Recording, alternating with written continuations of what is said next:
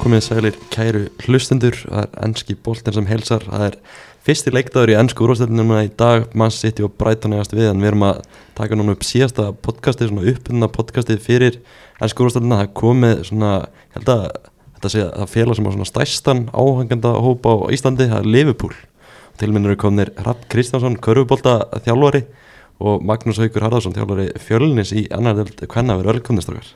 Takk fyrir það. Takk fyrir það, takk fyrir að hafa okkur Gaman að koma þér hérna til að ræða Leopold eða svona stuttir í, í tímabill Jú, það er alltaf gaman að tala um fókbólta saman hver staðan er sko. Það, maður finnur líka eitthvað áhugavert í, í, hérna, í erfileikunum við þjálfvarnir við, við þekkjum það, mm. það er gaman að takast á þá líka. Mm -hmm. Já, þetta er svona e, líka kannski ekstra, taka þetta upp á föstu degi, það búið að viðbúrið ykkur 12 átján tímar hjá félaginu, það er svona hann í séð hann, þetta er bara þetta er bara stuðstemming Við byrjum kannski bara á þessari sögu sem bara einhvern veginn byrjar í sent í gerðkvöldi og er í nótt og svo í morgun, þetta er búið að vera fram og tilbaka. Hvernig eru tilfinningar ykkar kakkan þessu máli með Moises Caicedo? maður svona e, lífið var tiltölulega einfaldara fyrir minnati í gæðar sem Leopold stjórnusmaður hérna, þetta er búið að vera bara smá smá rússipanna reið það var alltaf þetta er frábær leikmaður svona ef maður lítur, maður lítur á hann þá er þetta mögulega næst besti vartantengiluður deildarinnar í fyrra bara eftir Rodri mm. og e, í morgun þá voru allir aðeila sem kom að málinu til í þetta og hann var bara á leiðin í, í lækningskóðun og hérna en þá gerist eitthvað og því miður verist að vera að þessi ungi drengur það var alltaf verið smá vandamál í kringum uh, umbúsmenn og, og utanumhaldi í kringum hann og, og ég, ég ætla nú ekki að hengja þetta á hann sjálfan því að hann var til í að koma í morgun. Og það verist vera eins og Chelsea hafi í rauninni farið þá leiðin að fara bara beint í, í hann og umbúsmannin og bjóða einhvers konar annars konar samning eða, eða öðruvísi skilmála sem að hérna, skila þeim bara meiri peningum og, og, og þeir býða hvað setja um að býða og leiðin verist það að veri svo að reyna að fá Leopold að ganga frá borðinu uh, með því ég mitt að fara í blöðun og segja hann vil ég einungi spila fyrir Chelsea mm -hmm. af því að ég held að Chelsea hafi, sé bara alls ekki til í að fara að fanga sem Leopold buðu og séu mögulega jafnvel í einhverju vandræði með það mm. því að það sem hefur tekið við eftir að rauninni ákvaða að stíga ekki frá borði er að, að þeir byrja á að bjóða leikminn í skiptum ofan og tilbúðið uh, Greiði Tyler Adams var nú búin að fara í lækniskuðan og komin í tjelsitreyina í myndatöku og þá þegar hún var sagt að þeim yfir væri þetta ekki að fara að gerast.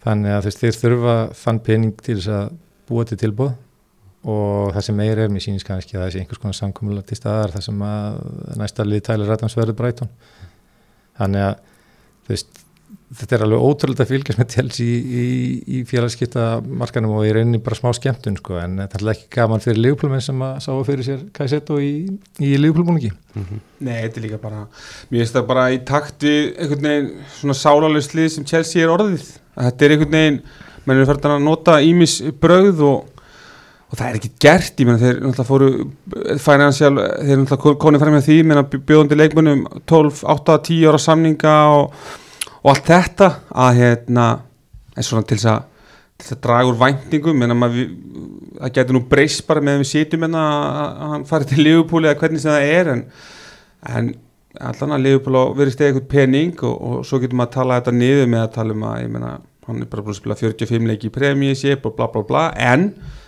maður var helviti spenntur sent í gerðkvöldi og í nótt og í morgun og í hátteginu að þá þegar þetta kemur svona upp að þá náttúrulega sé við, maður stjórnar ekki aðstæðum en, en, en önnur félag svona þessi bellibröð uh, gangast umbósmönum á hana því að Leopold hefði aldrei farið í þetta mm. nefnum að þetta væri potti og Klopp hefði aldrei talað um endast að Klopp nú bara fundið að hann væri búið að taka tilbúið leikmannin og þegar hann spurður út í annað þá gæti hann ekkert staðfest með það þannig að hann vissi svo sem að það var ekki búið að þá, ganga frá þetta þá var eitthvað búið að gerast en uh, ekkert félag býður með fyrir í leikmann öðru seldur hans er búin að láta það að vita því að leikmann er sér til í að koma mm -hmm. og sé búin að taka í rauninni samningstilbúði þannig að þú veist það gerist þarna eitthvað í middeltíðinni og, Þetta er rosalega skrítin saga með Chelsea og Liverpool einhvern veginn mm. á þessum síðustu dögum með Romeo Lavia, Chelsea gerir tilbúið hann eftir að Liverpool er búið að eldast við hann í allt sumar svo gerir Leopold tilbúið í Moses Cassetta sem Chelsea búið eldast við allt sumar. Já, ég held að, að það hafi alla fórsendu breyst þegar að Fabinho fer. Mm. og ég held í rauninni að planið hafi verið að, að Fabinho verið áfram og Lavia myndi koma og það verið hægt að setja svona hægt og róli inn í hlutina og jafnvel vera aðeins fyrir aftan Fabinho til að byrja með.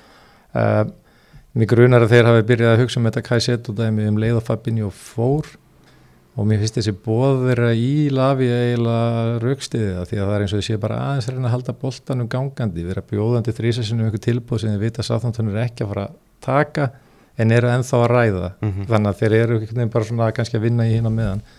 En bara, veist, ég, ég held að hann hefði alls ekki klikkað, hann hefði getað klárað þessa stöðu sem að Trent er að spila núna sem hægri bakverður sem verður að miðjumanni, hann hefði getað verið aðal vartintengilegur en maður verður bara, þú veist, mér sýnist þetta stefni það að, að hann verði tjelsileikmaður en, en ég svona fylgir spenntu með, bara eins og staðanir í dag þá held ég að þeir séu búin að eigða um það byrjum 700 miljónu punta og taka 275 miljónur inn og virðast vera að bæta við Kajseto og Jafnvel og Lise frá Kristal Palace Mhm. Og ég hlakka bara rosalega mikið að sjá til hvernig þeir eru að fara að kofra þetta svona kannski á næstu tveimur árum Mhm. En það, er, það, það skiptir bara einhver máli meina, Mm. Við erum ennþá að býja eftir þessum frægu 115 hérna, brotum mannstu City Mhm. það hefur ekkert heyrst síðan að það kemur út þannig er að, eitthvað minna þannig að hver er, ég meina hver er hérna tilkvæmst hefur að standa í þessu ef þetta skiptir einhver máli? En það er bara leikur það er bara leikur um helgina og hérna það er ekki svolítið að fara að krytta þann leik. Jú, jú, en veist, það er bara maður, maður er hérna maður er svektur við þessu þegar þetta gengur ekki eftir en eins og segi, bara klokkan 11 í gerkvöldi þá var, ég, var maður ekki eins og spá í Moises Kajseto veist, þetta er, þetta er það er búið að vera að breyta reglum varandi umbósmenn og hversu mikið þeir geta fengið út úr hverjum díl og þetta er síðast í glukkin þar sem að umbósmenn geta svona virkilega uh, maka krókin og ég meina ég skil alveg þennan umbósmann sem er held ég bara með Kajseto þegar að Chelsea kemur með eitthvað nýju veist, ára samning 250 pund á, á viku eða hvað það er og segja, segja þú veist, þú fær þetta marga prósendur af því sko. Mhm. og ég held að sé svona svolítið verið að stýra drengnum, það er ekki slæmt fyrir hann að vera í Chelsea þannig lag að fjölskyldan spýr í London og annað þannig að bara áfrangak og sjáum til hvað, hvað hérna hvernig Leopold gengur að eyða 110 miljónum sem allir vita núna er eiga til. Það er bara jákvægt og, það sem er náttúrulega ótrúlegt í þessu öll er að, er að vilja spila fyrir Chelsea fyrir en Liverpool. Og hafa peningum, það er nú eiginlega það er kannski stæðsti punkturinn í þessu frá mér sko, Mhm. að, hérna, að þú hlýtur að vilja spila fyrir félag sem að er, er tölvöld starra, betra og betra innviði og, og svo framvegis en, en svona er þetta, svona er boltinn Ég er alls ekki ósámála ósámála er en hérna þess bara svona svo ég aðeins hérna að því ég er nú búin að vera svo aggressífur síðasta sólarhinga hérna. Þú veist þetta er strákur sem að kemur nú bara já frá að sé svona fáteglum aðstæðum í rauninni uppafi og er búin að vera með einhver 15 pund á viku í ansi langa tíma. Og þegar að svona miklu hagsmunir eru einhvern veginn tóttnir í þetta þá held ég að sé bara mjög auðvelt fyrir fyrir fólk, eða fyrir hann bæði náttúrulega bara að taka því sem mest í peningurinn er og líka bara að einhvern veginn láta hafa áhrif á sig og hlusta á fólki sem að er nú án að vera að hjálpa honum í þessu. Mhm. menn eru nú farin að fara til Saudi Arabi út af fjölskyldu ástæðum þannig að þetta er Já, en þú veist, þetta tilbúð þú veist, 110 miljónu punta þú veist, ég sá þetta í gerkvöldi ég bara taka hann fóð bara í gólfið. Liverpool sé að bjóða svona mikið, mikið pening í eitt leikmann, þú veist, kemur þetta óvart? Já, já, þú veist, það kemur óvart í, í, í ljósi þess að við höfum ekkert eitt peningum síðustu ár. Hvað saman hvort við muni Champions League eða, eða Premier League það, það hefur ekki skipt máli, liðið hefur ekki verið styrt og þegar við vorum uh, í fyrsta seti þegar Van Dijk með, meðist og, og það er öskrað á, miðvör og þá gerist heldur ekki neitt. Þannig að já, maður hérna svona var það alveg hissa og, og, og, en samt gladur að því að þú veist, maður vill að liðið sitt hafi sál og, ekki oljupenninga og allt þetta. Þannig að kannski er ykkur smá, smá ljósu við enda gangi núna að, liðið fari og hjóli þá í þá það sem er til en, en ekki glema því að Jörgen Klopp kaupir ekki B, B hérna, a second choice það sem hann vill í liðið sitt. Þannig að þetta verður frólikt að sjá hvað gerist núna næstu dögum. Upphæðin kemur á óvart. Leopold hefur svo sem að, í einhverjum tilvikum farið í dýrari leikmenn. Þegar ódýrari leikmenn eru bara verlaðir þannig að er ekki eins verlaðir að þeir halda að leikmanni sé virði þeir fara í kaupa sóbúslæ í stað þess að kaupa kefrin túram vegna þess að þeim finnst bara verðið vera sangjarnara fyrir sóbúslæ þó að sé mun herra heldur en túram hefði farið á. En ég held að þetta sé ekki tilvílun endilega þeir fóru allar upp í 111 miljonir ég held að það hafi verið einhvers konar reikningur. Og, og það sjáist, það sést núna bara á allum hamagangnum í Chelsea að reyna að, að bjarga þessu tilbúði þegar núna þau eru búin að stoppa Kajseta af. Mm -hmm. En því það verður gaman, veist, það verður alveg áhugavert að fylgjast með þessu, en ég menna núna þarf bara fókusin að vera að sá bara, veist, hvort að Curtis Jones eða McAllister sé að fara að vera holding midfielder á um helgina, sko. Já, men- en svona kannski bara fyndið að maður veitir í sinni hvaða leikmenn eru í Chelsea lengur. Þannig að þetta er að vera frólægt að sjá byrjunlega þeirra á móti Liverpool um helgina því að svona, þannig að já, þetta er en við ætlum að tala um Liverpool aðteklisur leikur, ekki bara Liverpool Chelsea hefur að eiga sinni sögu en, en, en Premier League er að fara að staða aftur. Þetta er klálega spendi og það sem er með Chelsea, þú veist, ég var að skoða þetta um daginn, ég held að þú veist, miðjan af þe- þeim séu, Enzo Fernandes, Conor Gallagher og Karni Tjukumega Já, já, og, og svo eru bara einhverju kallar hana sem að heita hitt á þetta sem að rúast inn. Þannig að þetta er, þetta er bara spennandi og, og eins og ég segi, þetta er, þetta er vonandi minkar þetta eins og Rapp segja varandi þessu umbósmenn og þetta rugl sem er búið í gangi síðustu ára að, hérna, eins og með Bellingham og, og, og Holland og þetta, það þetta eru risa upphæði sem er að fara til feðra og umbósmanna í kringum þessa, alla þessa díla sko. Mhm. Það er náttúrulega brúst þetta sumar í heilsin þetta er búið að vera svona fyrir langt sumar hjá svona á samfélagsmiðlum skinna maður svona svolítið, svolítið gremju veist, hvað, upp, upp, upp á það sem er í, í gangi hinur og þessir orðaði við Manu Kone, Kefren Túram Jude Bellingham, allir þessi gæðar orðaði við Liverpool. Eru þið svektir með hvernig sumarið hefur farið? Þú veist, tveir leikmenn konur inn. Um, ég er mjög ánægð með þá leikmið sem hafa komið inn. Mm -hmm. og við- Liverpool náttúrulega lagði svolítið línutnar þegar hérna þegar þeir hætta við Jude Bellingham sem að mér finnst núna að vera skiljanlegt og einhvern veginn letu það svona pínu berast að plani væri að, að byggja upp og taka nokkra menn í staðin og þetta hefur tekið aðeins lengri tíma heldur en búist að við. Þeir vildu fá Kol, Kolvil hérna í hennar vinstri fótar miðvörð. Voru að skoða miðjumenn út frá því að, að Fabinho og Henderson eru áfram. Mhm. og þ- mér finnst það kannski bara, mér finnst solidið aðstæður hafa, hafa, hafa trublað á í þessu, en þeir eru búin að vera allt og lengi að vinna og kannski það sem ég kann ekki við, við ólítið sem hefur verið áður að þessi nýji hérna Jörg Smatke sem að sér um samlingaviðræður verist vera svona, hann verist kunnaði vel að hérna vinna vinnunni sinni gegnum fjölmjöla og það er svona full mikið af þessum samningum og, og dílum hjá Leopold einhvern veginn. Eh, öll smáatri er að rata inn í fjölmjöla og ég held að sé ekki að hjálpa til því að þá lítaði bara ítl út þegar að hlutinni gangi upp. Svo held ég líka bara eins og með hendur svona Fabinho að ég held að já, mér persónulega finnst að að standa bara í lappirnar með Fabinho. Að hérna þú veist að selja hendur svona tímubúndi er bara fínt uh, varandi bara aldur og veist, meina, hann er búin að vera í fremstu výglinu síðan var 16, 17, 18 ára Mhm. og það tekur á lappirnar og allt þetta og það sást alveg sérstaklega á síðast tímumbili að hann farin að líjast þó hann hafi farið í bóks í sumar og, og, og kötta sig upp og svona en átti bara að standa í lappirnar með Fabinho og, og, og hafa hann í eitt tímumbili viðbútt að því hann hefði alltaf fengið þetta tilbúið næsta ári næsta tímumbili, tíu miljonur undir whatever, en að missa hann er miklu stærra bló fyrir st- fyrstu 11 hjá Liverpool heldur en til að missa Henderson. Og ég hugsa að sumari væri búið hjá Liverpool ef að Fabinho hefði verið áfram. Já, því. Þá hefði einfaldari miðjumæður einhvern veginn, það hefði verið einfaldari að leysa það. Þetta virðist svolítið vera eins og eftir að Fabinho fór þá hafið þeir farið að skoða hlutinu öðruvísið með grunar að þeir hafi verið einhvern veginn að býða eftir því að Mbappi einhvern veginn er því möguleiki fyrir Real og þá veist átt að nota örglega þessar 110 miljonir í, í Tjúameni sem að gengur ekki upp veist þá þurfur að fara í eitthvað annað og meðan eru þeir svona að, halda þessu lafi að dæmi gangandi. Þannig að þú veist, við- maður bara verður að vona það besta. Ég meina ef að það, þetta verður eins og mér sýnist að Kajsetu kom ekki þá verður klálega ódýrari miðjum að er fengin og þá vonandi er hægt að kaupa svona vinstri fótar miðvörð fyrir meiri pening Mhm. og þá að því að maður er hrættu við þetta nýja kerfi Já, við, já. höf, við höfum meiri stjórn á boltanum í þessu nýja kerfi þegar við búum til þetta fjaramanna bóksa miðin en, en við erum mjög svona við erum í erfileikum þegar það er svo trætt á okkur og stór hluta því er, er, er það Andrew Robertson getur ekki verið einhver vinstrafóta miðurur sem að býður með hann að liði sækir hann er alltaf komin að eitthvað upp og þá reyðlast allt fram og tilbaka og það þarf að vera leikmann sem getur bæðið spila bakvið og miðvörð í þeirri stöðu og þar hefði Kolvil verið alveg ídeal sko.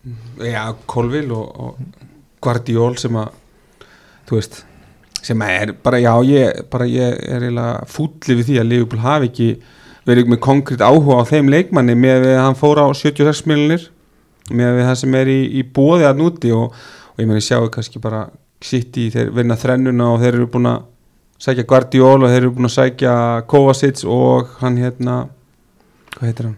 bara þessu tvo þessu tvo, já þeir eru að, þeir og, og svo líklega paketta á okkur fárlega pening skiljur, þú veist, þannig að þú veist, það er ekkert að leggja árið í mm. bát þar sem að viss alveg en, en eins og ég segja að hérna þetta er svona farið að, að minna þessu ef að Fabinho hefur verið áfram þá hefur verið þetta eða þessum pening í, kannski hvort ég veit það ekki mm.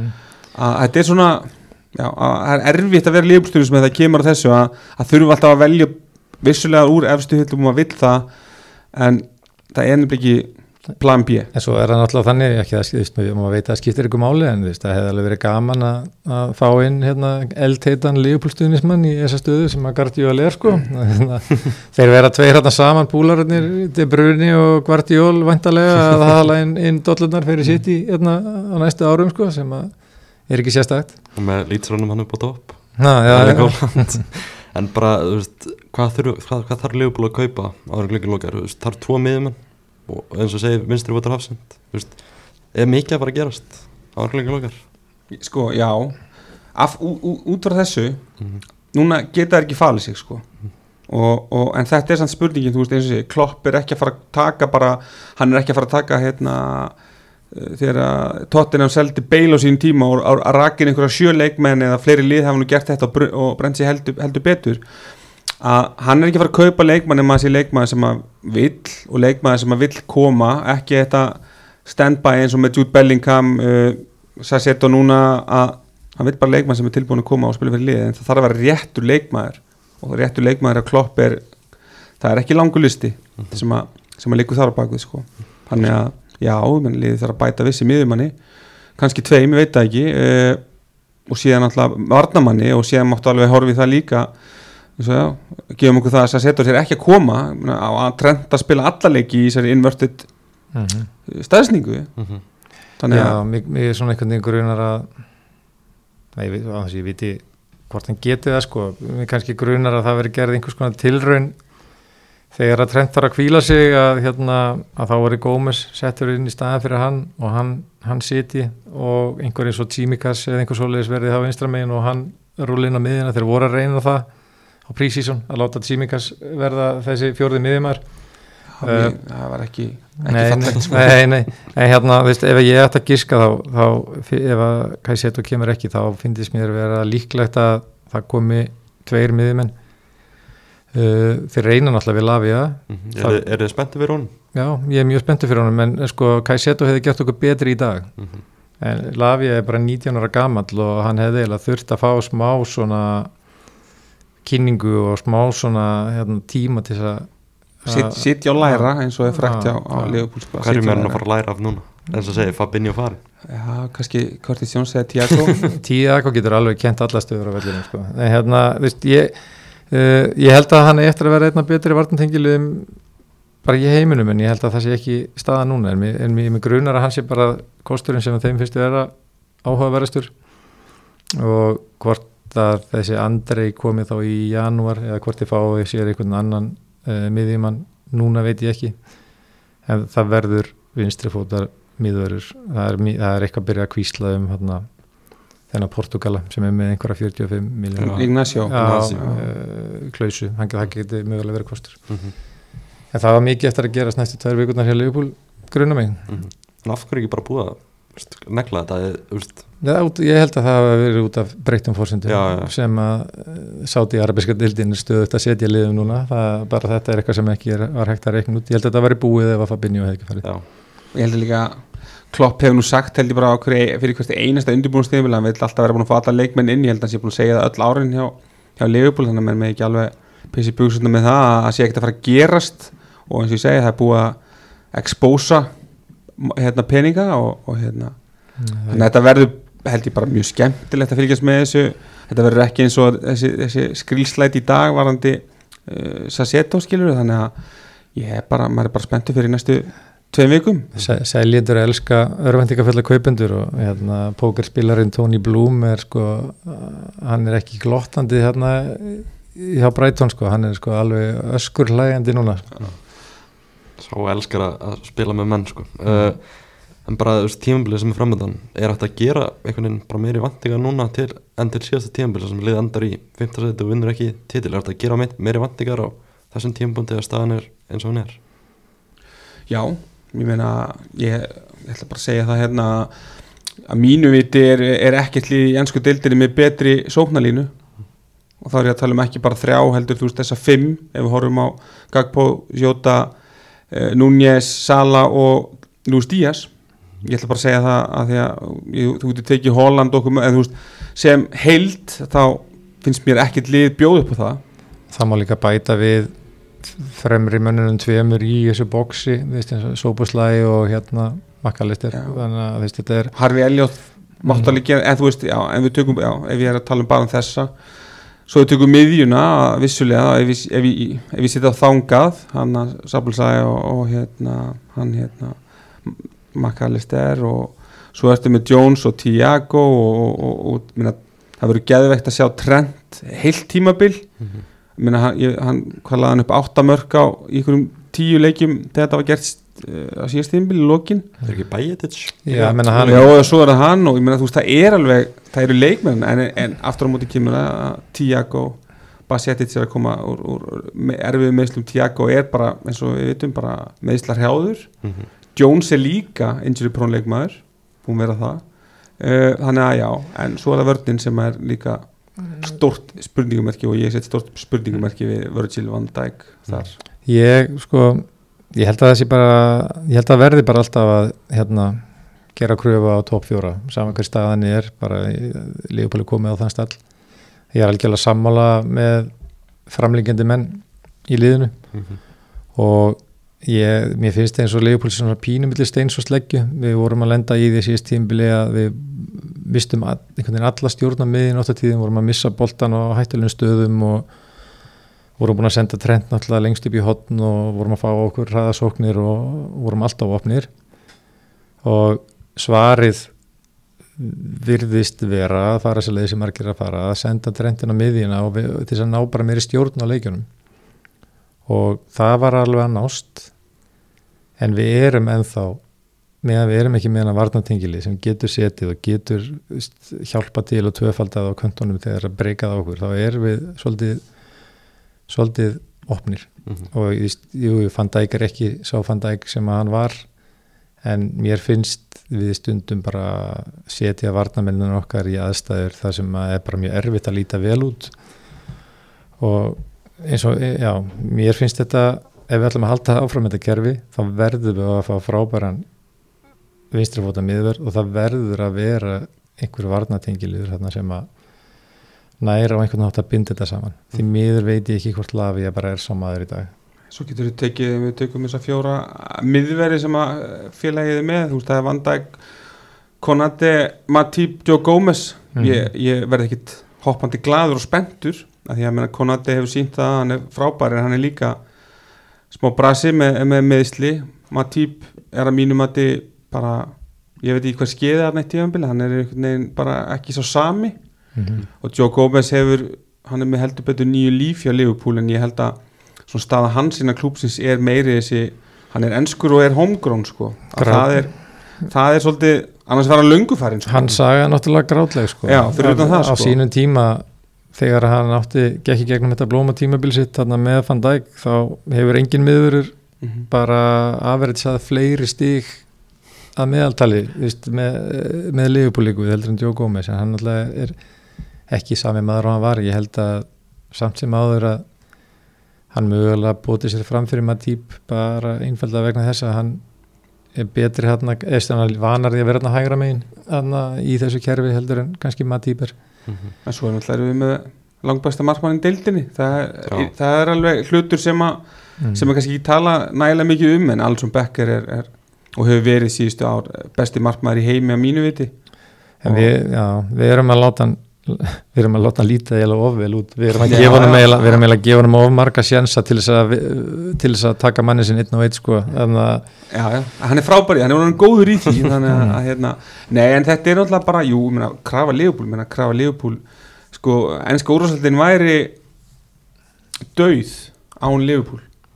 Og þá er ég ekki að tala um eitthvað eitthva, eitthva tilbaka heldur bara mannstu sitt í væri búin að rúlla þessar deild upp hvað núna 6 ári röð eða 7 ári röð með 20 pluss stegum sko. Og, og þeir sem að tala um hérna, titilbaratu Arsenal í fyrra þurfa að fara bara svolítið í tjekk á sjálfum sér svona for real af því að, að þetta var engin titilbarata sem Arsenal var að bjóða upp á í fyrra og Arsenal það er nú bara eins og ég segi maður er ótrúlegustu menn sem að hoppa upp hingað og hanga sem stiðja Arsenal og ég veit og við vona oft að þessi gæjar eru að grínast eða þá að reyna svona að reyna að búa til einhvern svona eigin status eins og til dæmis Leopold samfélagið og, og allt þetta dæmi. Málið er bara það að Leopold samfélagið og, eins og ég og Hrafn við erum bara alveg stuðningsmenn.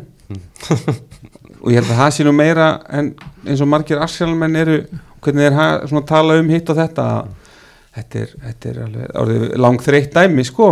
Það er tjókuð þessi fyrra Já, ég meina, eins og sé, þetta var ekkert að tjók þetta var aldrei að fara að gerast og enda enda, menn bara á tippinu nýri mjótt út af því að Arsenal lendi í öðru seti en, en gerði ekkert annað og dutt út í Europa League og, og ég veit ekki hvað og hvað. Þannig að ég held að þú veist, be, tvö bestu liðið Englands eru Manchester City og Liverpool, af hverju? Eru með tvo bestu þjálfara heims. Já, ég, þess að segja, ég ætla nú ekki að ganga eins langt og maggi í skæru hernaðinum sko, ég hef nú ansi marga góða Arsenal með sem myndi nú ekki leiði mér að komast mikið upp með það en ég menna, ég, ég reyndar alveg sammála því að, að eftir nokk, þó nokkuð mörg ár þá voru Arsenal svolítið á ókunnum slóðum og þeir þurftu bara að venjast í og það var bara gaman að fylgjast með því veist að það er að vera að hérna, byggja upp, upp stemminguna. Uh, hún virkar bara svo feik. Það er alveg fyrir mig allavega. Hún virkar rosalega grunn. En það er bara svona, já, mín skoðun á því að en eins svona eins og veist, mm, eh, varðandi Manchester City og, og Liverpool, þá er það bara alveg rétt að veist, þessi deilteði eiginlega verið bara eins og búndislíkan einhvern veginn eh, ef að, ef að Liverpool hefðu ekki gefið City þessi rönn sem að því miður náttúrulega eh, þú veist verðu aðeins svo stutt eða okkur vantaði stig eða millimetrar á marklínu eða hvernig sem það var en hérna Þetta er eitt titill í Já. staðin fyrir hérna engan og, sex í röð er betur en Já, já, og ég meina einhver kannski myndi velta því upp að í öðru landslæði væri tillarnir mun fleiri en ég stundum velti fyrir mér sko í sangjötunanslæði þá að ég stundum velti kannski fyrir mér hvort að við höfum kannski líka gert dildinni í óleik sko mm. því að það talaði eiginlega enginn um þessi mál meðan að það voru Liverpool sem voru að, að fá það í baklutan sko hérna á, á síðustu metrunum að því að fólki fannst það svo óstjórnlega fyndið. Algjörlega. Og þú veist núna kannski hefur maður heilt fleiri Arsenal menn fara að vekja máls á því. Ég veit ekki, kannski þú veist hefðu fleiri lið bara svona gott að því að að taka þetta rönn Mm og upplifa það hérna, að, að vera bara ekki með breytina eða styrkin til þess að standast það. En ég svona, þú veist, ég vonast til þess að Leopold uh, kom, taki topp fjóra. Ég er ekki tilbúin að íta mikið, mikið ofar þang til ég sé um, viss, svona vissum spurningum svarað.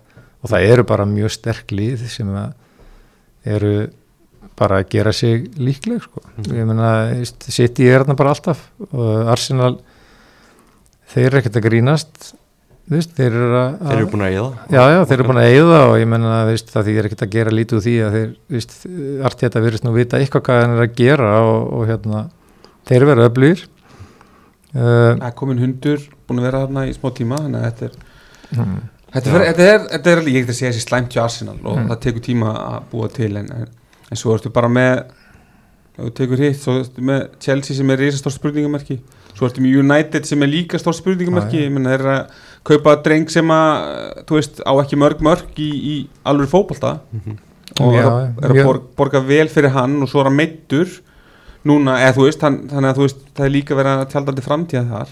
United eru samt konum með svona þeir eru ráttið svolítið solid. Þú veist, þeir eru svolítið, þú veist, þeir eru Með góða meði já, ég er ekki, þú veist, ég veit að þeir tóku leikin sem ég var reynda stattur á, aðna, á móti Leopold og Anfield indislega lífsinslega hérna, já, þú veist, ég er kannski ekki að sjá að taka nokkra eh, marga þannig, mér finnst þér vera svona orðin nokkuð þétti vartanlega, þeir eru með fína miðju, þeir verða þarna uppi, Newcastle traustir, ég, veist, ég er núna kannski einfallega út að sí- síðasta sólarring er rosalega áhugaðsamur að sjá hvernig tjelsi gengur sko því ég er ekki, ég er ekki vissum að þetta félag ráði við að komast ekki í topp fjóra sko. Ég held að það hefur verið áhugavert ef að þeir eru ekki að fara að fá mistardeldar peninga Á næsta ári? Er það ekki bara opnið eitthvað ný skúfa og eitthvað búið til? Er þetta ekki bara því miður lenskan Það sko? geti ekki komist fram hjá þessu endalist það Nei, þú getur ekki endalins búið tíu ára samlinga sko, þeir, náttúrulega búa ekki við það því miður fyrir þá að, að, hérna, að geta leita í fyrirtæki í einn heimalandi Mm. Að eftir, eftir En eru samt verist vera með, með silent partner sem er að dæla peningum inn í klubin sem, að, sem er annar kapitil út af fyrir sig en, en eh, Liverpool að verður alltaf í topp fjórum efstu tveim, veit það ekki. Mhm. Þetta verður áhugavert. En bara undirbúinstímbili Þið eru múin að tala svolítið um, um nýtt kerfi Breytingar frá síðast tímbili Hvernig er þessar breytingar að, veist, Hvernig eru að fara að sjá þessar breytingar? Við erum mér finnst við mér finnst við halda boltanu vel. Við erum að íta mörgum leikmönnum í, í, sóknastöður, við erum að skora mörg. En uh, spurningamerki er bara alltaf það sama. Þú veist, þetta er, ég veit að við erum bara þú veist, ef að framherri Darmstad getur tekið hlaup og er allt innu bara þú veist, einn á móti markmanni bara eftir eina einfalda sendingu það getur Nikolas Jackson gert að tjóðs að þreysa sinum um helgina. Og þú veist þetta það, það, minna, það þarf að taka á þessu, það þarf einhvern veginn að leysa þetta og ég er svona, það er það sem ég smeyku við en ég er alveg gam, ég er gaman að því að horfa og spila þetta sko.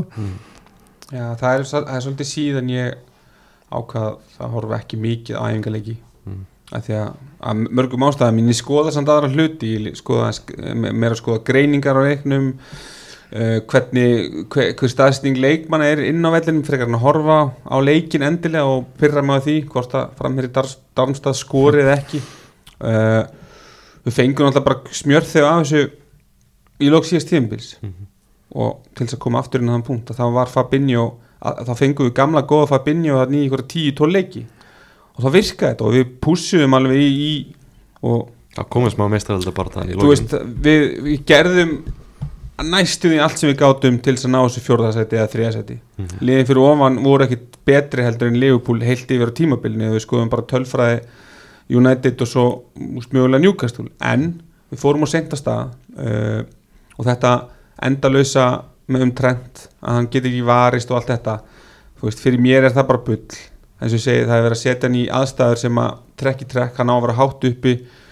Ef að við erum ekki með eh, hérna, miðvörð og sexu sem getur hérna, farið í göttin á bakvið þá virkar þetta ekki, þetta virkaði í þessi ár og síðan allt í hann tekið hann lífi fyrir það að vera að spila í kerfi sem hann á að spila í. Þannig að ég ætla ekki að gera reyndir rosalega mikið um það en trendin á miðjuna geðveikt. Og getur við keift hægri bakur og haft trendin á miðjunni, veit það ekki. En Það- þetta er svona, þú veist, þetta eru það eru margar spurningar, eins og Klopp saði nú bara eftir hann að leikum út í Darmstað að þú veist, við þurfum að finna taktik fyrir Chelsea leikin ekki for the rest of the season eins og hann segir. Þannig að það er, ég meina, maður, maður er spenntur að sjá hvað og verður á sunnudagina því að við vitum það að við erum að fara inn að leika á sunnudagin með þá leikmenn sem eru núna til staðar. Ég held að punkturinn sé þú ég held að, ég held að það hafi ekki fara, farið fram í neinum að Fabinho var búin að missa eitt, tvö skref Mhm. bara í reyfanleika ég held að það sem þetta kerfi gefur er það að hann var komið með mann nær sér inn á miðinni líka, þú veist, kannski aðeins minna svæða gófara, Við sá, sáum líka bara trend blómstrað já. bara í þessu, í þessu kerfi. Á svolítið, á svolítið annan hátt. Mhm. þú veist, hann var ekki hérna dælandi inn boltum en hann var að, hann var að, svona, að byggja upp spil. Og, bara, Og- og, recovera mikið af boltum líka. Hver veit, hann er hann telst varnamaður Mm. er, er Trent Alexander Arnold kannski sexa? Já, en síðan, já, en síðan ef, ef við tölum kannski bara örstuðt um síðast tímabila að tímabila undan því gerir, er Liverpool að spila alla leiki sem að þeir Já. gátu spilað. Og og, og margi leikmenn að spila yfir 50 leiki. Bara leikmenn, menna, Mo Salah ég held að sé, hann er búin að missa af innan við, ég held að sé með 90 og eitthvað 3% reyt á hérna leikjum hjá Liverpool. Menn tala Mo Salah alltaf niður sama hvað hann gerir. Fyrir, þetta, er, þetta er langbesti leikmaður í Premier League síðan að mínum að þetta er Henry Mhm. og þú veist, jú, þú veist, ég menn þessi gæi er uh, bara störtlaður, gjössanlega störtlaður bara eitt besti leikmaður í sögu Liverpool. Já, já, og bara í heiminum og hann og sé, hann fær kannski ekki það kredit sem hann á, ég veit ekki af hverju hann fær það ekki en til þess að klára þetta er þetta að Liverpool fer gegnum þetta tímabil. Þeir eru einum leik frá fernu sikkur megin við og, og, og ég meina leikurinn við Real Madrid og, og allt þetta. Síðan kemur næsta tímabil sem er stutt sumafrí af því að það er HM líka að ég get lofa ekki því að Liverpool fer ekki gegnum annað eins tímabil. Það er bara, það er bara ég get lofa ekki því að þetta er líka kannski hlutur sem að þetta hafði áhrif? Auðvitað hefur þetta, þú sér bara eins og segi Fabinho misti bara tvö skref heil, á þessum þessum 90 dögum eftir tímabili. Þetta hafði 100% áhrif og veist, líkamlega var þetta far, byrjaði að hafa áhrif áran tímbili kláraðist, ég meina þeir voru að klára þú veist, úslita leiki í vítaspinnu keppnum og þeir voru bara þeir voru bara að grænda þetta. Þú veist, það var bara hver einasti leikur úslita leikur og ég held sko að þetta hafi líka að vera svo erfitt þegar þú ert búin að reyna þú veist, þú ert búin að leggja allt í þetta og þetta náðist ekki alveg. Það hefur líka bara andlega mikil áhrif. Þú verður bara þreyttari eftir það að hafa ekki náða að klára þetta. Þetta er til dæmis, eins og segi, það er ekkit mikið talað um þetta afreg að fara í gegnum alla leiki tímabils og, og sé eins og segi, næsta tímabil er eins og það er. Og svo voru urðu þeir svolítið líkari sjálfum sér hérna í, hvað ég segja, síðustu tvo halvan mánuðin kannski hérna og hérna ég glimmiði aldrei þegar það voru konur í 2-0 um real og ég bara, ég öskraði bara við erum aftur mættir, við erum mættir, við erum mættir eftir að ég hef rifaði í gang hérna á, á Leopold Everton. En svo skilur svo bara kemur þessi þreita að, að hérna, þú, þessi, gæjar er ekki vélmenni ekki bara liðheldur öðrum liðum að, leikja álag er náttúrulega bara sér umræða út af fyrir sig.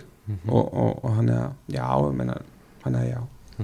Algjörlega áhugavert tímabil framöndan bara kannski fyrir það sem vita ekki og hafa ekki hort á Liverpool upp á síkjastið þessi, þessi útvarsla, hvernig bara veist, virkar hún, trend fyrir það inn á miðuna í, í, sóknarleiknum? Já, Trent uh, um það splitta er unni bara upp uh, að þú veist, við, með Konati hann er þá meir, nær vinstra megin, nei hægra megin og, og Van Dijk meira fyrir miðju og, og, Robertson svona þar uh, við hliðinu Mhm. og þannig þeir bara mynda kassa með Trent og, og þá mögulega ykkur sexu en eins og það er núna þá McAllister hefur verið að leysa þetta og, og hérna þú veist betri en ég að bera nafnið hans Saboslæði frá. Subsly og, og meina, Gagpo hefur verið spilaði þryggjamanna miðu á móti hérna, bæði munnin Já. byrjaði þar. Þannig þá okkar svona sá maður það líka. Þannig að já, meina, þetta, er, þetta er rosalega einfalt að, að mann sitt í verið að gera þetta með Stones og annað að þú bara bætir henni við miðjumanni og, og ert þá kannski með fjóra í heildina eða hvernig sem þú lítur á það? Ég ger þetta sjálfur með, liðið mitt í annan til kvenna. Þannig að maður, maður sækir í mislegt en áherslubreyningarna eru mismunandi eins og með Trenta. Hann alltaf sækir meira til hægri er meira hægra megin en í þessum æfingulegjum hann hefur, þá, hann hefur verið að vera meira central heldur en hann var til dæmis í lók síðastíðinbil þannig að þetta er já, það er svona er kerfið. Þetta er sko, með, með mannskapi sem er, er með núna meðan að Bæsitits og Tiago eru ekki inni þá hérna, þeir fara í rauninni sýnist mér alltaf í þetta box. Og Gagpo uh, myndaði efri hluta boxins með sópuslægi hérna á móti munn hérna minni mig og ég held að þeir ger, og Darmstad jafnvel og ég hugsa að þeir gerir það ef að þeir ætla að mæta sóktjarfir á Stanford Bridge. Ef þeir ætla sér að vera svona aðeins hérna varkarori þá gruna mig að að sko Gagpo eða þá einhverja sóknarmennunum fara á bekkin og McAllister færi sig aftur ofar og þá verði, verði ég- þá held ég að Curtis Jones verði þarna í sexunni menn hann spilaði kannski ekki í sexu en hann spilaði í, í svona double pivot með undir 21 landsliðinu neðalega á miðinni ég veit bara eins og segja eins og talar um að þetta er svona, fyrir mér að mæta Chelsea núna er eins og fyrir lið að mæta liðum utan á landi í fyrstu þrem umförunum hérna heima. Það er ekki tilbúið það, og þetta er eftir að fá einhver einn og eftir að, að, að matla saman ég ætla bara rétt að vona það að Liverpool keiri á þetta Chelsea lið. Já, það er, það er góðu möguleiki og það gerist. Ég held sko að vandamálið í þessu kerfi er mitt og ég held að, ég held sko ég veit ekki hvað haldið þið, ég held að það sé verið mjög mikilvægt sko hver byrjar á vinstri kantinum hjá, hjá Chelsea. Mm. af því að vandamálið virðist vera þegar að þegar að sko trend er að taka þetta transition aftur úr miðjustöðinu og í bakvarastöðina þá myndast þarna smá tómarúm mm -hmm. uh, sem að sko varnatengilinu verður eiginlega að vinna með, með hérna Með- hæ, hægri, miðverðinum hægra megin og þá, já, þá, kannski, þá getur við farið í hitt að, mm. að, í, að hann var meira hægra megin Mm. í lokin en í æfingarleikunum hefur að vera meiri central Mm. þannig að kannski lengri leið að fara já, þannig að þetta er smá kannski tvík sem að klopp bara vondi lagar Mhm. en, en eins og ég segi, já, ég menn þetta er þetta er spennandi kerfi en þú veist, það er ekkert verið að finna upp hjólið í þessum kerfum sem að við sjáum hérna fram og tilbaka þetta eru kerfi sem að eins og tískan, þetta snýst í ringi og, og hérna, svo er bara með, mismiklar áherslur hvernig þú ert með þetta og annað en þannig að það leggst vel í mann. En með þessu kerfi eru við að drepa vinstri bakurinn okkar. Mm -hmm. sem er búin að vera, eh, ekkert búinn sem er búin að vera besti vinstri bakurur í heiminum síðustu fjögur, fimm ár. Já, þannig að við erum að fórna svolítið honum fyrir, hvað var að segja, trend eða já, en ég held, já, en ég held bara því miður, og það er kannski grimt ég held að þessi fórn virki ekki nema að það sé bara annað leikmaður þarna. ég sé það og þannig að þá erum við allt í einu að horfa í það að Robertson Andy Robertson sem er hvað, orðinn, þriði fyrirliði liðsins Mm. Mhm. að hann er kannski ekki byrjulismæður Já, það er svolítið steikt að heyra það það er mjög, mjög aðrilsvært en, en getur hann gert það sama hann verður að breyta leikstíl sínum ef að eh, hann verður bara þá að breyta sér í í uh, þriðja miðvörð. Klopp mm. kendur um að verjast, hann, hann var spurður þegar hann var keftur, af hverju var hann hérna meistari, hvað heitir hann? Alberto Moreno startaði nú fyrstu tvo mánuðina og Klopp var spurður í, í, í tali, af hverju And, Andy Robertson sé ekki að spila. Hann sagði, þá sagði hann, um leiðan er búin að læra að verjast þá spilar hann, svo meðist Moreno tveim viku setna og hann var búin að kenna hann um að verjast þannig að maður treystir því sem að Klopp gerir að því Klopp er þjálfari en ekki manager eins og maður segir. Mhm. Dominic Sobaslæg, það er nýr leikmaður hjá, hjá Liverpool keftur 60 miljonur punda frá Arby Leipzig komin í áttuna sem er ansi stórt númer hjá Liverpool. Er þið með miklar vendingar til hans? Ég er mjög spenntið fyrir hann ég skal alveg játa það, maður er alltaf með einhverja voðalega skoðanir og hinum og þessum og fyrir nokkrum áru síðan, svona í kringum þann tíma sem að hann skaut okkur úr leik á EM, Þessar- Já. þá hafði ég ekki mikla trú á hann Mhm. Þá hefur hann væntalega verið með eitthvað að batna fytin utan á sér og ekki alveg svona mér fannst hann ekki vera nóguður íþróttamæður veist, mér fannst bara Rekki Sí og Kári Átna bara, veist, vera að bara konteinan bara allan leikin en þegar ég horfa á hann núna Mhm. hann er sko, hann er villitýr í pressu Mhm. hann er ofbóðslega góður að pressa ég meina hann er náttúrulega með fallbísu í staðan fyrir hægri fót Mhm. og veist, það eru mörk í þessum stráku ég held að, ég held að hann eftir að njóta þess að makkalistir sé hérna svona yfirvegar og, og svona já, svona sé aðeins svona orkestreitur á bakvæðin, ég held að hann, ég held að hann, hann eigi eftir að koma að mörkum Mhm. núna, núna þessi tímbili í því Já. og, og hann er að vera mjög spennandi eins og segja við erum búin að breyta miðjun okkar úr hvað var að segja hard workers yfir í gæða fótballamenn, Mhm. knassbyrnumenn ég meina auðvitað missu James Milner líka og allt þetta en þetta, þú veist, transformationi er ekkert að kaupa átta miðjumenn heldur hvaða, hvernig ætlar að breyta miðjunin og, og við erum að fara í rétta átt að mínu viti og mínu mati að, að, hérna, að breytin í betri fótbollamenn og fá meira frá miðjumenn þú veist, Kevin De Bruyne ef við tökum hann fyrir mér besti miðjumæður í heimi á, á, á því sem hann er að gera. Hann leggur upp og skorar þú veist, hvað ég var að segja, 10-10 pluss alltaf. Mhm. það er það sem að Leopold hefur vantað síðustu líkuðu bara síðan Coutinho fór. Hann var að gera kannski nálætti hann var að skora fyrir utan teg og þetta að, að ég hef saknað þessi Leopold að við séum ekki með menn fyrir utan að taka upp fallbissuna og skjóta á marki sko. Ég sammála því og ég held að þetta sé rétt að það er konir, það verða ég held ég alltaf þrýra, fjórum leikmannum góði fótboltamenn. En þess vegna held ég að sé mjög mikilvægt og við sjáum það á þessum ætluðu Kaiseto kaupum sem að væntalega verði ekki að fjóruði miðjumærin verður þá kannski að vera bara svona últra varnatengiluður bara Dýmar veist, bara tilbúin að sitja og býða og það er eitthvað sem að Lavia getur gert en hann er þekktu fyrir að núna eðlilega 19 ára gammal hann að haldi ekki Já. stöðu svolítið og vera óagaður og þess vegna getur þetta verið meira á æfintýri Mm. og aðeins svona meiri óstöðuleiki til að byrja með ef að, ef að hann endar, Mhm. endar hjá liðinu. Nefndir að Sóbasla var í, geggjaður í, í pressinu við erum auðvitað að fara að sjá, sjá þetta counterpressing áfram Mm, mm, í algjörlega. þessu kerfi. Algjörlega og, og þú veist það er líka umræða hérna veist, um peninga og, og hvað menn eru keiftir á þetta og, og nú er verið að draga upp ummæli frá Klopp síðan 2016 Mhm. það eru sjö ár síðan. Breyttur heimur. Já og, þú veist, og hann líka bara svaraði bara svolítið fyrir það. Ég meina, já, veist, var það rangt hjá mér, já en, þú veist, leikurinn hefur bara þróast í þess átt því miður mm að þú veist, Sassetto 2016 hefði kostað 40 millir og þá hefði það verið fáralegu penningur þannig að þú veist, þetta er bara ég meina, og síðan er þetta stuðnismenn eitthvað að tala um þetta. Þetta er ekki borgað og rokka vössum sko, og Nei. þannig ég skil ekki oft umræðan í kring hvað einhver leikmaður kostar þannig það að er alltaf bara í fyrsta lagi brjálaslega fyndið sko að, að fólk gerir ráð fyrir því að maður get ekki skipt um skoðun á sjö árum sko. Ég, veist, við verðum vel allir að vera það þroskaðar að viðkenna þegar við höfum rátt fyrir okkur og skiptum skoðun. algjörlega. Að hann- og þannig að já, ég, þú veist þannig að við verðum að þetta eru sjö ár og 13 leikmenn sem hafa verið kiftið fyrir meirinn 100 miljónir frá því að hann segir þetta. Það er, það er svo litið búið að breytast það er rosalegt þú myndir ekki köpa Pól Pogba þetta á 100 miljonir Nei, ekki, ekki að á þeim tímum.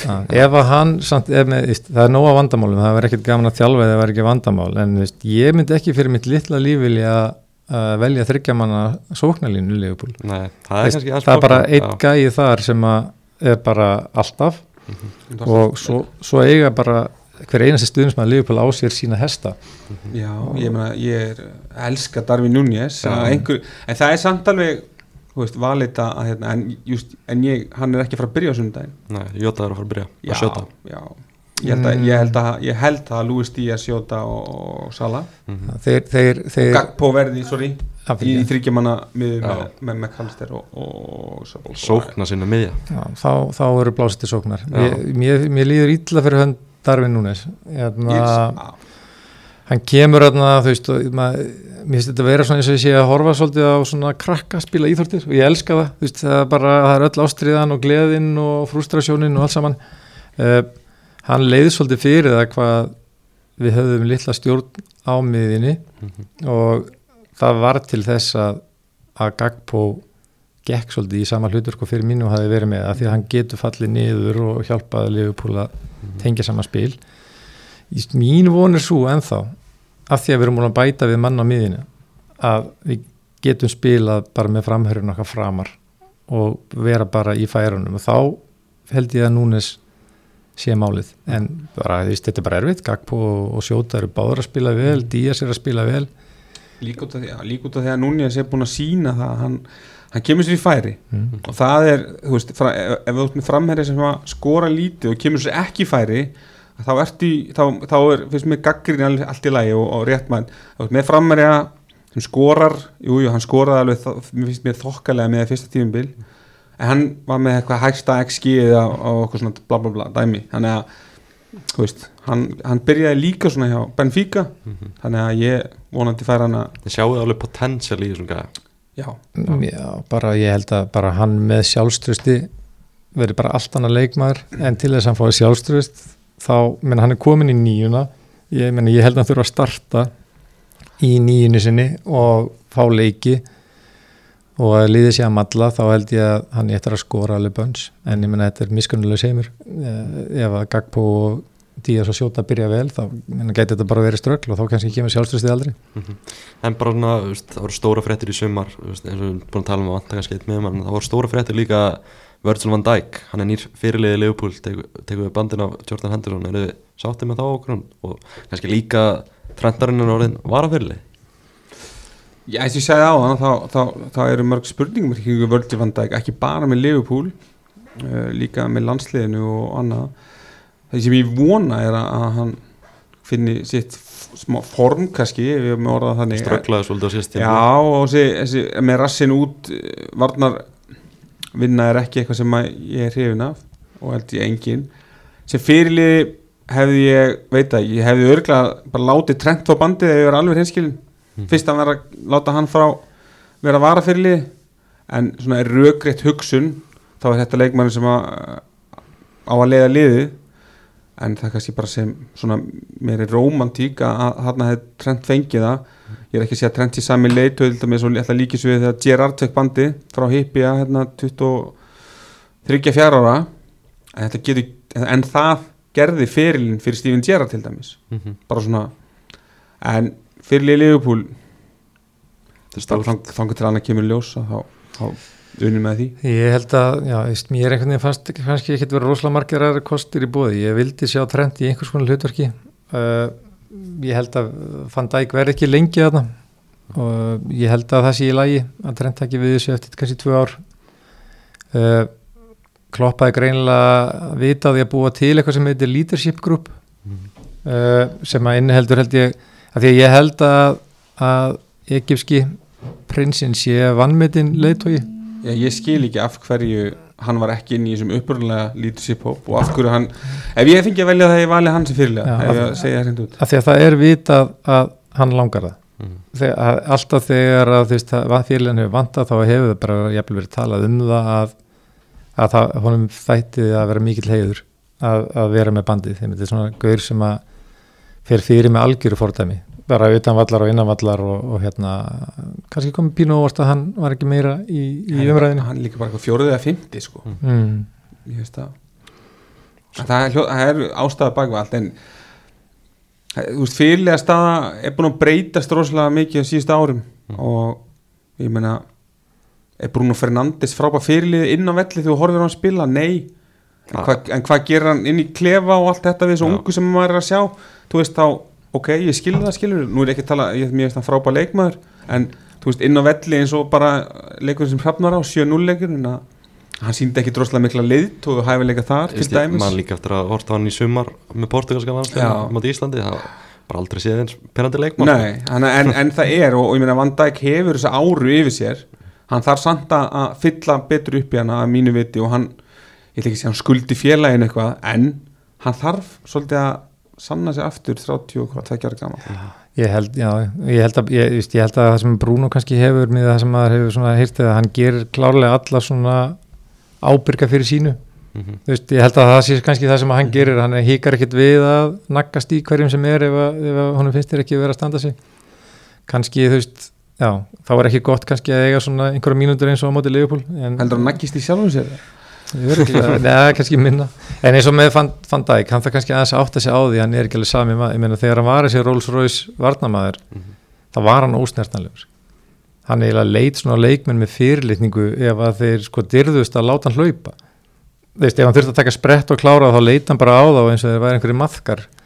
Og ég held að hann hafi kannski gert við mistök að hann einhvern veginn kom inn með, sam, með svona sömu værukerðinni og einhvern veginn með svona sama ekkert að slæmanhátt bara þennan sama svona hróka einhvern veginn í leiksínum þegar að sko þegar að vélarrúmið og, og, og hjólinn voru bara ekki alveg eins og þau voru sko. Þannig að það kannski aðeins að nálgast þetta öðruvísi. En minna hann klárlega minna aðri leikmenn tala um hann sem, sem leiðtóa við verðum bara að sjá hvernig hann spilar úr þessu. Kannski bara Já. hefur þetta góð áhrif á hann. Sér er liðið líka bara með, ég meina ég ætla að kalla hann bara Dominic. Hann er með, hann er fyrirliðið Ungverja og Andri Robertson er fyrirliðið Skota Mhm. Sala er fyrirliðið Egipta þannig að það eru gæjararna sem eru að fronta sín landslið sem fyrirliðar. Og eitt sem fyrirliðið er eitthvað sem segir, það er hópur hérna mönnum sem að standa saman í kringum svona hluti sko. Mhm. og þú veist, þú, þú hérna hann er ég held að skipti ekki alveg öllu eins og staðan er í dag. Það var miklu mikilværa fyrir 15 árum hverju var fyrirlið, Patrick Vieira eða, eða Roy Keane eða Dennis Weiss eða, eða þú veist þess svona. Það skipti miklu meira á þeim tíma en í dag finnst mér þetta að vera öðru vísi og þetta skipti ekki eins miklu máli. Mhm. Það- meiri það- leituðar en það snýst það bara eru, fle- eru fleiri leiðtóar í liðunum heldur en bara kannski svona einn alveg sjáanlegu leiðtói en það snýst bara um að búa til svona kúltúr og vinnusýðferði Mhm. í, inn í leikmannhópnum og inn í klefanum og það er ekki einhver eitt fyrirlið sem býr það til sko, það er bara aðeins flóknara verk Mhm. og ég held að það sé alveg komið Mhm. hjá liðinu Mhm. Við tölum aðeins á hann bara svona að lokum líklegt byrjulega motið Chelsea að þessi sóknar sinnaði miða bara eftir svona mánu þegar félagskiptaglögin er lokaður hvernig er bara, veist, ideal byrjulega hvernig verður sterkast að byrjulega í Liverpool ef þið fengið að ráða þeir eru búin að kaupa alla inn sem þið viljið kaupa inn sko í, Það er alltaf allir svona, í- markinu. Já, það, nú ætlum ég bara að tala út frá þessu kerfi þá. Mm -hmm. uh, Það er voðalega erfitt að segja ekki hvað ég setja hérna, en, en hérna að mínu viti þá myndi það vera uh, allir svona í markinu uh, trend sem inverted hægri bakurur uh, Konate, Van Dijk. Við skulum bara segja Inasio Mm -hmm. uh, Varnantengiliður sitjandi ég held að veri Lavia ekki nema Leopold komi okkur eitthvað stórkoslega óvart. Mhm. einhverjir vilja að þessu pening veri splittað á milli einhverja eins og Lavia og hérna hann er náttúrulega svakalustur ísmaður úr Crystal Palace. Fólk er svolítið dæ, að dæma hann út frá Já. leik sínum með Crystal Palace í síðast ári. Hann var náttúrulega stórkostlegur hann hérna Dugure Tjekk Dukori með lens árið áður. Þú veist, þá voru allir að tala bara um hann sem uh, næsta jæja túri sumir vilja veist að þeir séu bara báði teknir. Mm -hmm. en ok, veist að verði einhver hreyfanlegur sterkur vartantengilegur McAllister og uh, McAllister og Soberslæði þar fyrir framann því miður held ég að við náum ekki veist, ég held að það mátti vestilun verði ekki fjórir sóknuminn ég held að Gagpo verði þá ekki inn á miðinni Mm -hmm. Að mínu viti, það getur vel verið að besta liðið okkar á móti Chelsea verið þannig. Svo bara eh, komum við að, að er verið spurningu. Já, sóknarlíðan uh, Sala og þetta er bara Núnes hómerinn í mér sko, sem að segja Núnes. Og þá erum við farnir að velja í raunina milli þryggja leikmanna því að Gagbo spilaði fullt af vinstri kanti með PSV og var alveg þekktu fyrir frábæra fyrirgjafir frá þeim kanti. Sjóta er slútari ég og svo er það að fá þú Díaz aftur, já, frábæð leikmaður. mér finnst Díaz vera, vera sjarp sko. Ég ætla að segja Díaz. Mhm. Já, ég er svona, já, ég er alveg nokkuð sammálaði en ég veit bara eða þú veist ekki að ég þekki klopp en, en maður telur sér svona þekkja ímislegt að veist, Andy Robertson mun vera, mun vera í þessari stöðu þó að verði annar leikmaður keiftur á morgun.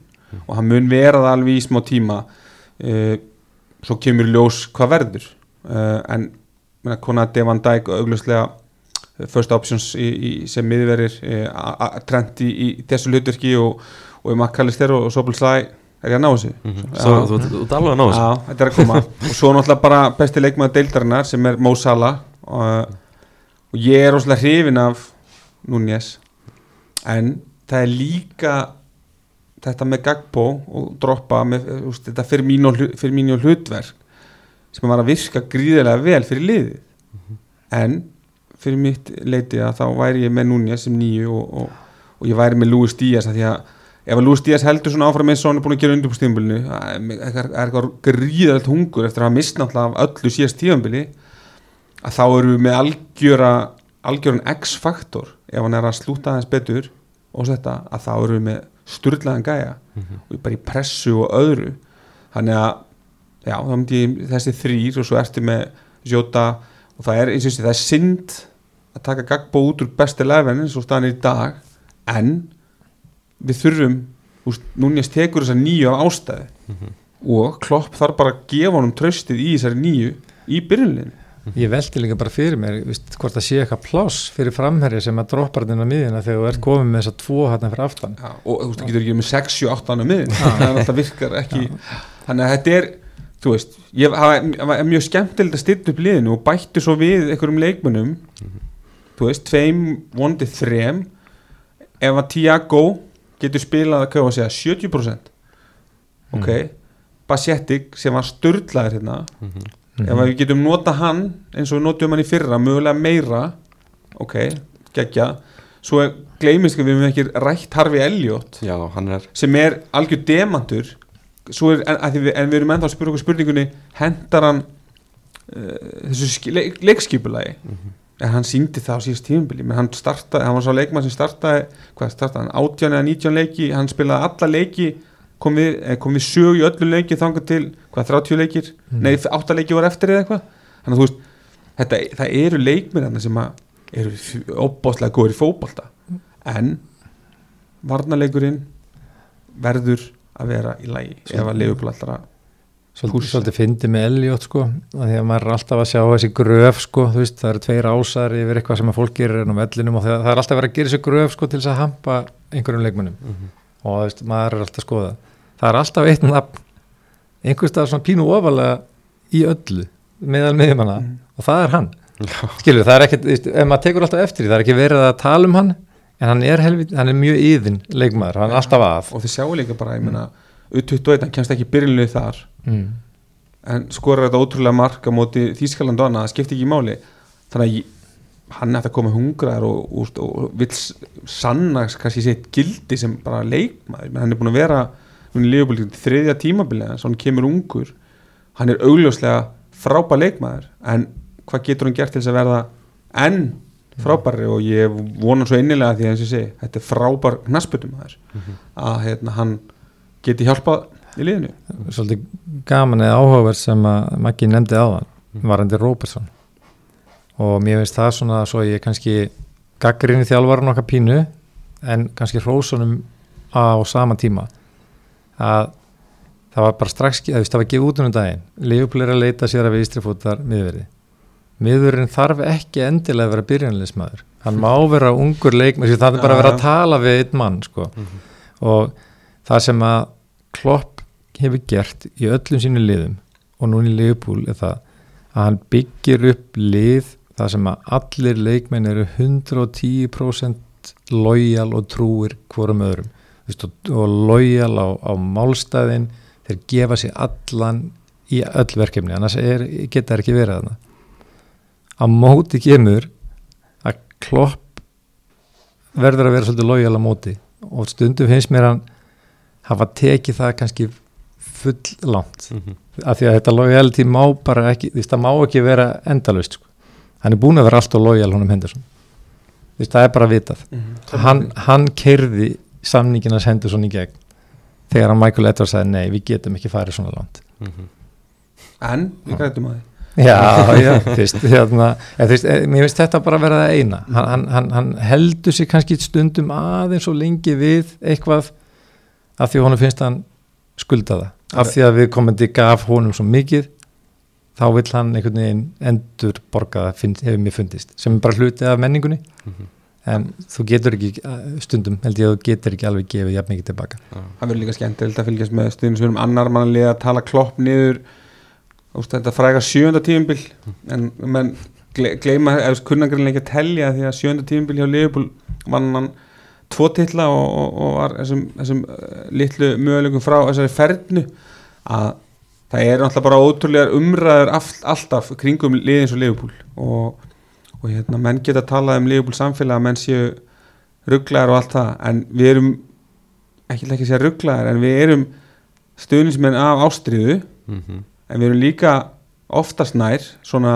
nokkuð heilir þegar kemur að umræðu ég er ekki að segja allir ég er ekki að segja ég sé þannig endilega. En þú þarft ekki að tekið umræðu um félagið þitt án þess að hérna, vera með öll gleruðu þín á andlitinu og viðurkenna og tala um hlutina kannski bara eins og þeir eru. Ég meina Leopold átti slæmt tímbili fyrra já. En það umræðan var aldrei tökin um það herri, þeir gerðu þetta þetta á undan þessir þessir þessir veist, þetta er kannski bara afrakstur ég veit það ekki podcasta þá er ég ekki að tala um podcastinu hérna á þessum stað á fólk.net sem eru oftast vel í grunduð annað. En það er svo auðvelt. Ef Leopold tapar fyrir Chelsea um helgina þá kemur hlaðvar, herri þetta er náttúrulega gengur ekki þetta er alveg ómöld, blá blá svo vinna er næstu tvo leiki og þá er þeir ja, herri þeir eru bara gamla góða bandið, úst, þetta er svona hluti af, af kannski umræði sem að má hækka í að, að hérna, tala bara um hlutin sem þeir eru, þú tapar einu leik þá er ekki heimsendir sko. Og það er kannski, kannski að við sem stundum með Liverpool þurfum stundum að vera með klærnar á lofti þegar að það gerist að því að eins og ég segi það er, það er ekkit lið í heiminum sem að sem á betri stuðnismenn heldur en Liverpool og leikmenn og stráka nei hérna, já bara betri stuðnismenn yfir höfuð, það er bara staðrind og, og leikmenn tala um það sjálfur sem að fara á Anfield og allt þetta og ef þú er ekki farað á Anfield þá myndi ég drífa í því sko, af því að þetta er besti staður í heimi til þess að vera á og horfa á veist, það er líka bara fyrir aðra stuðnismenn sko, sem fara á Anfield, þú veist, stuðnismenn annar liða að er að Júlunlega og Walker í upphafi leiks, það er rosalegt það er bara, það er gæsað Já. sama, sama hvaða liðu heldur með sko. Þetta er eiginlega skilda á hverju ári, allan að ná sér í, í eina ferð. Er þið búin að panta með á einhverja leiki núna? Ég er að stefna á City, Mm. Liverpool City í mars en svo er ég líka að stefna á námsferð til kvennalýs Liverpool í janúar. Mm, Spennandi Þannig að- frábært. Já. ég er ekki, ég er ekki komið dagsendingu ég, Nei. hérna, ég hitti aldeilis á það á síðast tímbili Já, þessi heldur sjönuleikur En þannig að bara í lokin Leopold Chelsea stórleiku fyrst umfyrirnar á, á veist, eru að fara að sjá 5-4 leik eða eitthvað, eitthvað rugg hvernig, hvernig Með við síðustu viðreikni liðina þá endar þetta 0-0 en Nei, sko, Leopold vinnur leikin 3-1 það eh, það er búið að uh, koma því til mín að leikunum fer 3-1 Mm. og eins og ég segi, ástæðan er bara að Chelsea liðið er svolítið eins og bara ef að þú ert að spila við einherja í fyrstu þrejum umförunum á, á sömurinn í þetta heima, það er ekki bara að slípa saman. Þú veist ekki, þú veist þér ekki svona í byrjunliðið þeirra. Að ég held að það sé á að vera happ uh, fyrir Liverpool í þessum leik en svo getur þetta bara allt gæst en eins og ég segi að, Liverpool vinnur leikin á sundaginn mér hefur einhvern veginn alltaf eða núna sí, upp á síkastið einhvern veginn fundist Chelsea mæta einhvern veginn í lægi á móti Leopold þó svo að þeir hafi verið í einhverju bulli. Engin kanti, hann, hann, já, já, hann já, getur ekki púsla sér saman nei. núna. Spáði þá miðjumar, Kanti og Fabinho. Hérna, ég ég býst við erfiðanleik ég, sé, ég sé ekki að Leopold haldir hreinu Nei, það er ekki svo, veist, þetta áhugjummerki stóra svona er varnarleikurinn. Sala skorar alltaf á opening day þannig að við vitum það þannig að þú ert með henni Sala- fantasy. Sala Já, ég með skorar í fantasy. Sala skorar alltaf á móti þessum gömlu top 6 það er svo leiðis ég, ég segja að Leopold vinni í fimm marka leik. Já, en áhugjafnið fyrir tímabili, það er svona varnarleikurinn. Það er Já, og breyting kannski svona, þá er ég búin að telja upp alla þessa miðjumenn Mhm. sem eru þarna að breytin í spilum, mínútum getur komið okkur um koll Mhm. en ég verið með Europa League með fullir virðingu fyrir þeirri keppni þá veit ég ekki hversu mikið púður verður sett í hana fyrir áramót við fáum mjög líklega riðil sem að við eigum að lappa í gegnum hann er að liðið mun fá, og líklega mun fá meiri kvíld Mhm. og núna er bara að sækja aftur því hóli greil og það er að vinna þessa deild og, og pússa algjörlega á það Mhm. að hérna hann er já, Það er spennandi ég held að Europa League verði Ben Dog dildin Já, já. svona á þessu tíðanbili en svo er það að Sala vill spila þetta leiki já, já. að- Ég, ég, ég segi þú veist að vöndun á svona sérhæfðum uh, varnantengilið sögum að það ekki bara gamla þetta varnantengilið Mm. uh, já og svona allavega einn miðum að til viðbútar það, það sé það sem að sé kannski innan gæsileppa áhugjefni Mm. en liðið er spennandi Mm. og liðið eftir að skora mikið að mörgum Mm. og, og hérna, maður það þýr ekkert annað en að vera bara bjartur. Það er helga gott að tala um að hérna uh, um sexuna, eða varmtengiliðin þetta var að deyja út Mm. og það vildi allir vera tíur. Í dag er þetta búið að snúast við. Í dag er engin tíja eftir, þú, veist, þú finnur eiginlega ekki tíur í dag. Nei, nákvæmlega og, en þú ert með hérna, Rodri sem að já, já, þú veist, ég sá eitthvað lista um fimm bestu leikmenn í Premier League þar sem hann er í fjórðarsæti og Sala í fimmtarsæti Mhm. þú getur alveg fært rauk fyrir hinn og þessu en þetta, þetta er það sem öll bestu liðin eru með í dag Rodri, Casemiro, Declan Já. Rice þetta er það sem að Leopold hefði aldrei unni allar þess að titla ef að Fabinho hefði ekki verið þarna Mhm. þetta er, er makkaleli Já, mér, veist, mér, er bara- fannst, mér fannst að Rodri jafnvel spila best allra leikmanna Já, á síðast stór- ótrúlegu leikmaður sko. Magna, og korona bara með að skora þetta sigumarki í, í þessum ömulega úslitaleg sko. Þannig að þú þarft þetta Mhm. að, og sérstaklega þegar þessi liður farin að e, setja hérna e, hægri eða vinstri bakgrunn sinn inn á miðuna Mhm. þá þarftu þennan leikmann sem er tilbúin að setja hérna og Leopold vantar hann til Algjörlega. þess að púsa á efstu tvö sætin Mhm. Það er greiðlega spennandi að sjá hvaða leikmað verður að ég held að Leopold kaupa alltaf klálega varnatengilið eins og við segjum Þetta verður virkilega spennandi. Bara takk strákað fyrir að koma í heimsón og ræða Leopold Takk, takk. Takk og bara kæru landsmenn gleðilega hátíð